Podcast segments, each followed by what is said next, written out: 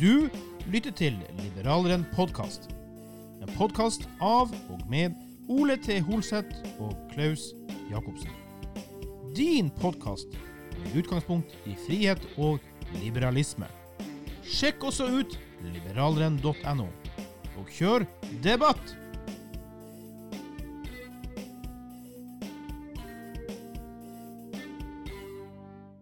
Hei og velkommen til en ny episode av Liberaleren podkast med meg, Klaus, og Ole. T. Holseth in the house. Ja da. Ole, eh, jeg er sint på meg sjøl. Ok. OK? og jeg må få klage til dere lyttere. Den siste halvannen uka så har det vært litt tynt med episoder, og grunnen til det er fordi at jeg gikk litt i kjelleren. Vi hadde en gjest en, eh, for ikke så mange episoder siden, min gode venn Sverre Torre Juel. Fantastisk flott eh, samtale oss imellom her. Men jeg fikk altså så mye trøbbel med å mikse og klippe den, så visste det seg at harddisken min på laptopen var rett og slett var smekkefull. Og da klarte jeg å klippe og slette mine bort episoder som allerede var spilt inn og klargjort, og som jeg brukte brukt timevis på. Så jeg ble Nei, så gæren. nei, nei, nei. Nei, Og dette var en lang innledning for å be folk om penger til en ny harddisk. Nei, jeg har fått sletta det, greit det. Men jeg skal bare forklare til deg hvorfor du kanskje mistenker at du vil få noen spørsmål om Har ikke vi snakket om dette før? Og déjà vu. Déjà vu, ja. Mm. For eksempel, en ting vi snakka i den uh, uutgitte episoden som vi gjentar nå, da, hvor uh, Smines uh, Tybring-Gjedde måtte ende opp med å betale penger tilbake. Jeg husker ikke hva vi sa den gangen, men jeg mener at vi var ganske rimelig oppgitt. Ja, For grådighet, grådighet, grådighet. ja nei, jeg, ba- jeg bare syns det er så fantastisk greie at uh, her har du en, en uh, mann som tjener en million, og en ministerkone som tjener 1,3. Mm. Og så er det da i denne overgangen over en annen jobb hvor hun også skal tjene rundt en million. Mm. Uh, og så klarer man da å prestere og ikke være så nøye på ting at man ender i en situasjon hvor man betaler tilbake penger da pga. karantene. Og så, Ja. hvorfor, hvorfor sikrer man seg ikke på den måten at man rett og slett sier hør, hør nå her, vent litt med den utbetalinga der, fordi jeg må avklare med det eh, eller liksom. ikke- Ja, og, eh, så- men nei da, det virker liksom bare så de grabber det til seg. Jeg skjønner ikke. Det blir litt sånn som fus nei, fiskeriministeren som ble fiskeriminister. Han skulle ha dobbel lønn i månedsvis. sant? Han, Ja. som, han måtte gå, faktisk. Ja, og så og så må vi ikke glemme én ting, og det er at i det private så har vi også masse griske mennesker. Altså folk som uh, Ja, så greed is good, som du sa i den episoden. Du skal gjenta det. ja, ja, ja. Greed is good. uh, fordi det tjener um, eh, det firmaet som eh, man jobber for. Altså Hvis man gjør alt man kan for å tjene mest mulig for det selskapet man eh, jobber i, og få en høy lønn som en eh, takk for det, så er jo det uh, til glede for uh, ja, hele Kreti markedet. Men i det offentlige så er det du og jeg som tvinges til å betale skatt, og betaler vi ikke skatten vår, så kommer politiet og banker på døren. Ja, Det er altså forskjell på uh, Jørgen Hattemaker og dronning Salomon i tilfellet her. Mm. For hun får det ingen konsekvenser, som vi har vært innom med mange saker før. det får ingen konsekvenser. Som fiskeriministeren.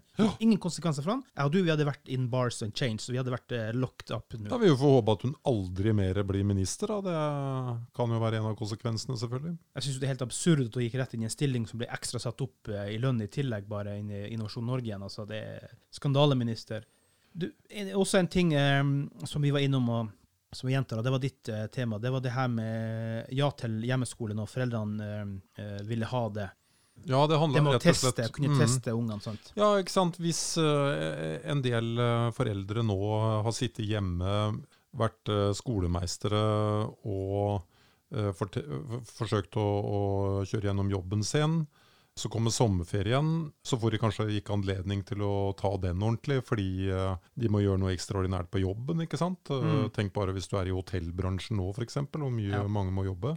Og så kommer du til høsten, og så ber du om å få to uker fri og dra til Kreta. Mm. Og så sier skoleledelsen Kreta og pleta. Skreta, ja, Det var dårlig, dårlig. Kjempedårlig. Det var en av de dårligste, faktisk. Men, men så kommer altså sk- dårlige skoleledelsen, og så sier de det at nei, vi liker ikke at øh, foreldre tar barn ut av skolen utenom ferien. Vi har såpass lange ferier at osv. Og så videre og så videre. Mm. Eh, og hvorfor ikke begynne å skolere sine egne barn eh, et par uker. Men det forutsetter at eh, foreldrene må gjennom en liten test eh, etterpå Mm. eh, for rett og slett å vise at eh, de har gjort noe. Man må dokumentere både elev og foreldre at eh, her har det vært jobba litt på den sydenferien. Ja, du må ta en test, rett og slett, når du kommer hjem. som Mm. Du pakker sekken full med bøker og planer og det som skal, og kommer hjem og tester om det har funka eller ikke funka. Ja. Og som jeg nevnte før, også for mitt eget barn, eh, den yngste, så funka hjemmeskole fantastisk bra. Men helt annen jente enn på skolen, da. Mm. Nei, det, men det, det, det som er greia nå, og, og, og der så jeg også et godt uh, politisk forslag, uh, er man opptatt av miljø, Mm. Hvorfor skulle man ikke nå da bare rett og slett bestemme at eh, tre eller fire dager i uka så jobber offentlig ansatte som ikke må være fysisk til stede, som eh, parkansatte osv., Mm. de jobber hjemme. Hva vil det føre til? Det vil eh, redusere altså fotavtrykket i forhold til det å kjøre fram og tilbake mellom Lillestrøm og Oslo, Asker og Oslo, Bærum og Oslo. Altså alle de menneskene som pendler der inne og som skal inn til et eller annet offentlig. De kan jo løse miljøproblemene over natta, eller altså de, de målene de har satt seg i forhold til um, CO2-utslipp. da. Siden du kaster deg inn på miljøet her, så skal jeg ta en sak som vi ikke vil snakke i den eh, uutgitte episoden, fordi at jeg hadde klistra inn en link her, for det er litt miljørelatert, da. Og det er jo godeste Goggen, Jon Georg Dale fra Frp, da, som mener at uh, oljenæringa nå må sikres mer støtte. Fordi det er en ny rapport fra det internasjonale energibyrået IEA som varsler oljetørke allerede i 2025. Ja, det så jeg. Koronakrisen har jo sendt oljepriser til laveste nivå i nyere tid. Og det Goggen sier, er ok, da må vi støtte oljenæringa i Norge og sørge for å dra opp så lenge som mulig eh, som vi kan. Dette må vi være en del av det ekstra vi kan leve av, da. Mm. Jeg er litt skeptisk til at uh, man gir uh, skattelette til oljenæringa. Jeg må jo si det. Kanskje i det øyeblikket vi skjønner at de skal begynne å trekke seg ut, at vi forlenger dråpen litt. Du vet sånn som når guttene står og har konkurranse, sant? at du forlenger litt dråpen der. Ja, ja, ja. Ja. Mm. Nei, aller helst hadde jeg jo sett at uh, skatter og avgifter generelt ble kraftig redusert. Fordi at du vet aldri hva du kan få ut av uh, innovativitet og uh, nye næringslivsideer Ja. når du generelt reduserer skattenivået. Ja. Og hvorfor akkurat innafor én bestemt næring. Um, nei, jeg må si at jeg er litt uh, skeptisk. Ja. Men uansett så er eh, poenget er uansett det vi kan vise at eh, den norske olja kan bli kritisk å få opp uansett. da. Det er Vi trenger det jo til plastproduksjon, sant? selv om ikke plast skal inn i laksen og fisken eh, og maten og naturen, så trenger vi fortsatt plass til veldig mye, til og med elbiler. sant? Ja, ja, ja. En annen ting vi tok opp i den forrige episoden der som ikke kom ut, det var jo det her med de Nav-utbetalingene som ikke kommer ut til folk. Og da var det VG hadde vært på Raufoss, hvor de kunne vise folk som var og søkte hjelp i, i det stille hos Frelsesarmeen, at de fikk folk til å hente for seg, for det var en skam å gå og hente mat der. Mm. Og nå var jo debatten med han eh, Fredrik Solvang har jo også tatt opp det her enda en gang.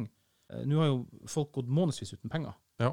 Eh, De selger og stamper, var flere på eksempler der, de selger ting de har for å overleve. Bor hjemme hos mor og far, osv., osv. Ok, hvor kommer krisehjelpa, hvor kommer det? Nei, det blir så og så langt ut i juni, kanskje juli. Mm. Det er jo en skam. altså Jeg og du som uh, erkeliberalister er jo ikke noen stor fan av et stort Nav-system, men nå er det jo det systemet vi har. Mm. Og det er, der, det er i det systemet du har dine rettigheter. Mm. Og så funker det f meg ikke sant, når det blir en krise som er nå, og folk går faktisk uten mat. Det finnes slankekuler for sommeren, kan få sommerkroppen, tenker jeg. Eh, ja. Bortsett fra det er det jo en skandale. Jeg tror at øh, systemet er jo ikke laget for det som har skjedd nå. Og igjen, her har ikke staten forberedt overhodet, til tross for MERS og SARS og så videre. Det burde jo vært en eller annen form for øh, nødsystem der du fikk en eller annen form for borgerlønn. Ja.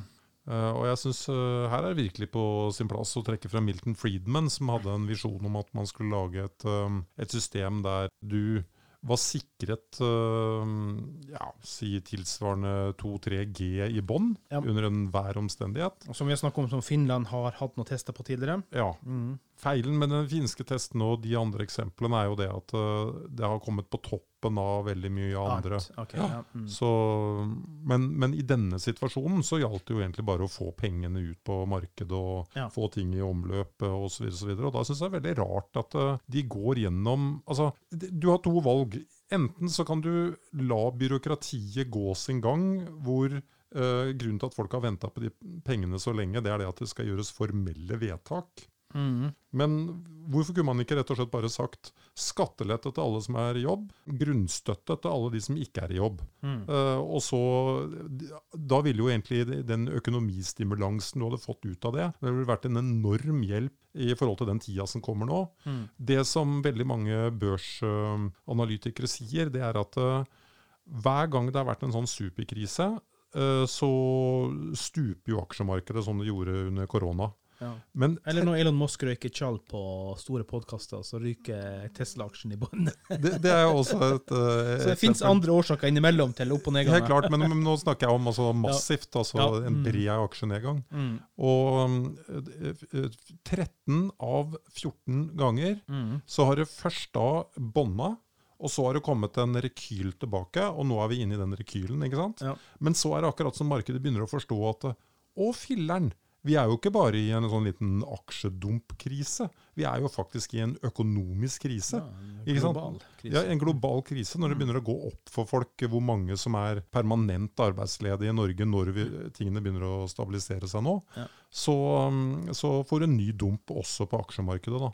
Ja. Men det er jo det vi aller helst ville prøve å unngå nå. Vi vil jo liksom få hjula i sving. Og da syns jeg staten gjør dette her på en sånn merkelig måte. En annen ting som de fikk kjempekritikk for i Nav, og som de da også endra, men etter påtrykk i halvannen måned, tror jeg, det var jo det at folk kan jo da, for at de har ett system som ikke fungerer, og det er jo det å søke og få godkjente permitteringer, og det andre er å kunne søke forskudd. Men på de forskuddene så har de da trukket vekk masse store beløp, mm. som gjør at folk får bare småbeløp utbetalt. Og så Ja. skal det gå månedsvis med det, da. Og det fikk de også kritikk for, og så skal de endre det, da. Men, For men, det, da blir det ikke penger i omløp, sant? Men, men det skal jo sies at det er litt urettferdig å trekke frem Nav som en uh, syndebukk her. Vi skal jo ikke glemme at det Altså, de styrer jo kun på Selve Nav-systemet har jo fungert bra. De har jo kasta seg rundt, uh, laga helt nye systemer, sørga for at alle kan jobbe hjemmefra. De føler det sikkert som blodig urettferdig at uh, de får denne kritikken, men det er regjeringen som altså ikke har maktet å gå inn og si at uh, hør her nå, nå er det nesten krigstilstander. Ja. Nå, nå må vi gjøre dette på en helt annen måte. De, Ja. De har ikke de maktet å gjøre. Nei. Jeg har en endring av Nav før vi går opp på neste sak. Potensiell fremtidig endring. Erstatt alle Nav med AI, Artificial Intelligence Computers, og så bare instruksjon. Behave nicely towards the customer. Og så er vi ferdig med det. Det er jo det som er problemet, syns jeg, da, med Nav. Det er jo den ulike menneskelige makten du kan oppleve fra kundebehandler til kundebehandler. sant? Enkelte får ja på ting, andre får nei. Altså Systemet blir ikke system. Det blir sånn her personmakt hvor enkelte demonstrerer for mye personmakt. Ja, det er, det er derfor jeg personlig er så glad i borgerlønnstankegangen. Ja. Mm. En uh, liten ting her som på en måte sikkert er blitt enda verre, og det er jo det at som vi har nevnt før, så venter jo jeg en ryggoperasjon da. Og i de to månedene som det var på en måte helt stans, så gikk det jo da eh, 64 442 planlagte operasjoner ble avlyst i den perioden der da. Mm. På to måneder. Men samtidig så vil det da beregnes at det vil ta opptil 46 uker å hente inn det etterslepet, og at det i tillegg vil koste opptil 2 milliarder kroner ekstra.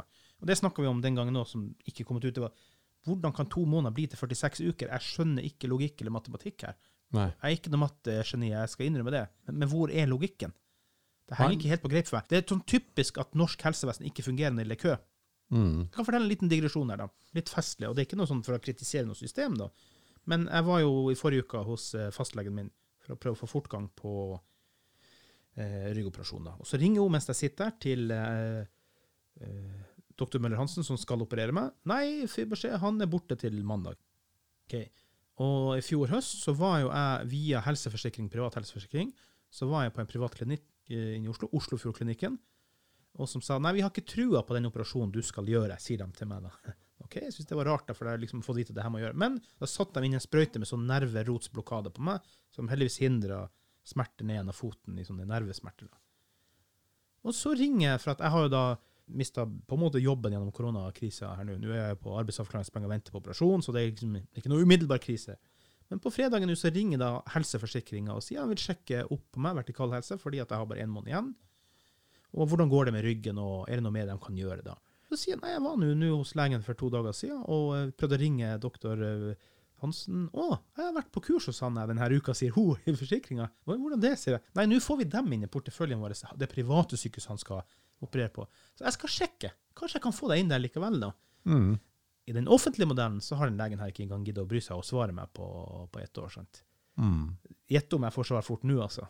Mm. Når forsikringen er koblet. Ja, og det, det er artig du skulle ta opp uh, din sykehistorie der, sånn, fordi jeg har Jeg vet ikke om det vil gi resultater, men det, jeg skjønner det kan rulle på. sant? Ja. Ja, men jeg, jeg, jeg, har øh, lyst til å trekke fram min egen. Jeg har jo vært uh, tre timer i narkose, må vite, for Ja. å ta lillefingeren på nytt. Deilig. Uh, Det var en meget eh, behagelig opplevelse fra A til Å. Det var altså de flotteste sykepleiere, og ikke misforstå meg, Nei. eh, men det, altså damer som virkelig gjorde jobben sin. Eh, ja. Kirurgen, han ikke bare har han gjort en glimrende jobb, men han var uh, behagelig å prate med. og eh, ja, man følte seg tilpass. Eh, Det er jo litt sånn småalvorlig da man eh, får eh, stikk i armen med et eller annet som drypper inn i deg. og Ja. Eh, særlig vi eh, i den generasjonen som er født av 60-70-tallet. Når vi fikk narkose, så uh, holdt sykepleierne med makt uh, hånda bako hendene bakover. uh, og du fikk altså noen illeluktende greier som gjorde at du bare svimte av. Så det nevnte jeg for dem, og de sa det at det var ganske vanlig for folk på min alder at de forbandt det med narkose med noe sånn supernegativt. da. Ja. Men det jeg skulle si, det var det at eh, av og til så leser jo sånne lesebrev eller Facebook-innlegg når noen har hatt noen alvorlige sykdommer eller et eller annet eh, traumatisk har skjedd dem, og de kan ikke få fullrost sykehuset. Og så, Ja. så pleier de ofte også å føye til Og Å, jeg er så glad for at jeg bor i velferdssamfunnet Norge, jeg er så glad for at det er skattene som finansierer dette, jeg er så glad for at eh, jeg ikke må bla av penger sånn som de må i USA. Eh, og, men da jeg liksom tenker at eh, hvis denne operasjonen hadde skjedd med meg i Zürich, eh, hvor du altså er tvunget til å betale din private forsikring, og hvor staten betaler for de som ikke klarer å gjøre det, Mm. så jeg er overbevist om at de sykepleierne hadde vært akkurat like søte og flinke og dyktige i jobben sin, og han kirurgen like god. Ja, Så det var i grunnen bare det jeg skulle ha sagt, at det er det verste jeg vet, når folk driver og takker velferdssamfunnet for vellykka operasjoner. ja. Hvem skal de takke? Personen. De skal takke det Den teamet som vakre kirurgen og Ja, ja, de skal- ja, de skal- kirurgen. de skal Nøyaktige kirurgen. De skal, ikke vakre. De, de skal takke det teamet som sto der akkurat der og da, og som gjorde jobben sin. Ja. Eh, og så kan de jo alltids irritere seg litt over hvor lang tid det tok eh, å eh, få gjennomført den operasjonen. da. Mm. Fordi uh, sveitserne gjør det raskere. Jeg har jo vært gjennom flere nakkeoperasjoner tidligere, og ryggoperasjoner. Og det er ganske heavy stuff. De koster flere hundre tusen, noen av de her. sant? Så det er jo massive innhogg i, i budsjettene. Altså. Så helt klart at en alternativ metode å gjøre det på hadde vært tror jeg, mer velkommen. Og så er et utfordring for de som driver og opererer, det er dagsbudsjettene. For jeg tror det her henger i hop. Jeg har en veldig god kompis som jobber på samme privatsykehus som kanskje min ryggopererende doktor. Han har to jobber. Det har de fleste av disse kirurgene i dag. De har sitt offentlige sykehusansatte jobb, og så de der på privat på sida. Og jeg har en god venn som er kirurg i, i Tønsberg, og som når jeg sjøl er inne og får medisiner og litt sånne ting pga. Kronsen, så pleier jeg å ta en kaffe med han. Og en eller annen gang jeg var der, så fikk han telefon halv tolv-tida. Nå er budsjettet brukt opp. Dagens budsjett er brukt opp. Ja, men jeg har en klar siden dagens budsjett er brukt opp. Og jeg tror at det blir en sånn rar, merkelig sirkel som administratorer, økonomiadministratorer merker, at det medfører en sånn sirkel at de private klinikkene får flere eh, legetimer, og så tror man i de offentlige at man kan kutte ned da, Mm. og så blir det bare lengre for eh, A-borgeren, og B-borgeren og A-borgeren får operasjoner med en gang, sant? Så Mm. ender vi opp med en slags merkelig splitt her som ikke er bra, fordi de leser statistikken. Oi, men det går ned. Mindre behov. Og så blir det lengre køer. sant? Altså, Jeg mener det er galskap, øh, det systemet vi har fra fra A til Å. Jeg syns det aller aller verste er jo at øh, de samme legene som jobber på et øh, offentlig sykehus, er de du Mm. øh, kan komme til å treffe på det private. Ja. Og, det, og der vil mange tenke liksom sånn Hæ, er ikke du for frihet, skal ikke folk få lov? Mm. Nei. Mm. Det er ikke tale om det. Hvis jeg drev et øh, revisorselskap, eller øh, hvis jeg en liten elkjøpeavdeling, så Mm. hadde jeg vel ikke funnet meg i at han jobba på Power om kvelden, eller i det konkurrerende revisorselskapet. Kanskje hvis du hadde fått leieinntekter fra å leie den ut, men ikke bare at du bare ga den bort. Nei, nei, nei. nei. Mm. Nei, de, når du har en arbeidstaker i, uh, i stallen, Ja. så har du den makta over at han ikke skal jobbe for andre.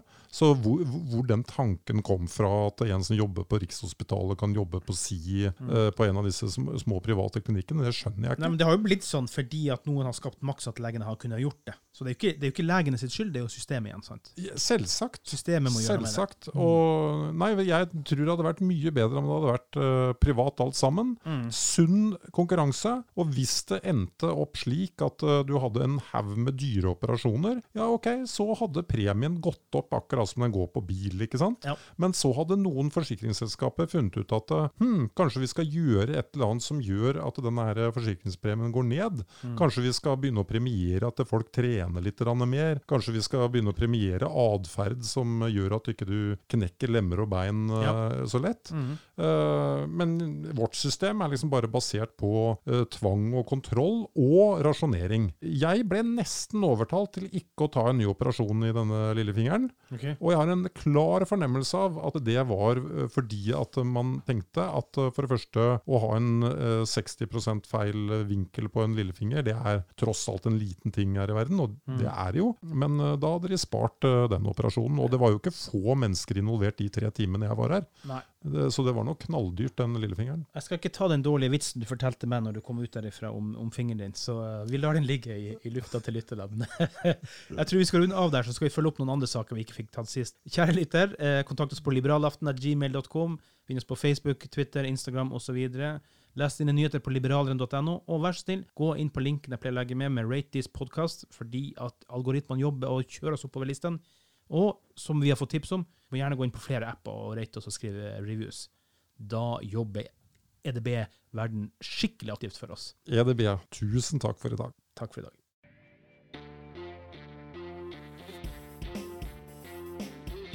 Du har lytta til Liberaleren podkast. Din podkast med utgangspunkt i frihet og liberalisme. Vi setter stor pris på om du vil abonnere på oss i din podkast-app. Følg oss gjerne også på Facebook, Instagram, Twitter og YouTube. Les også dine nyheter på liberaleren.no.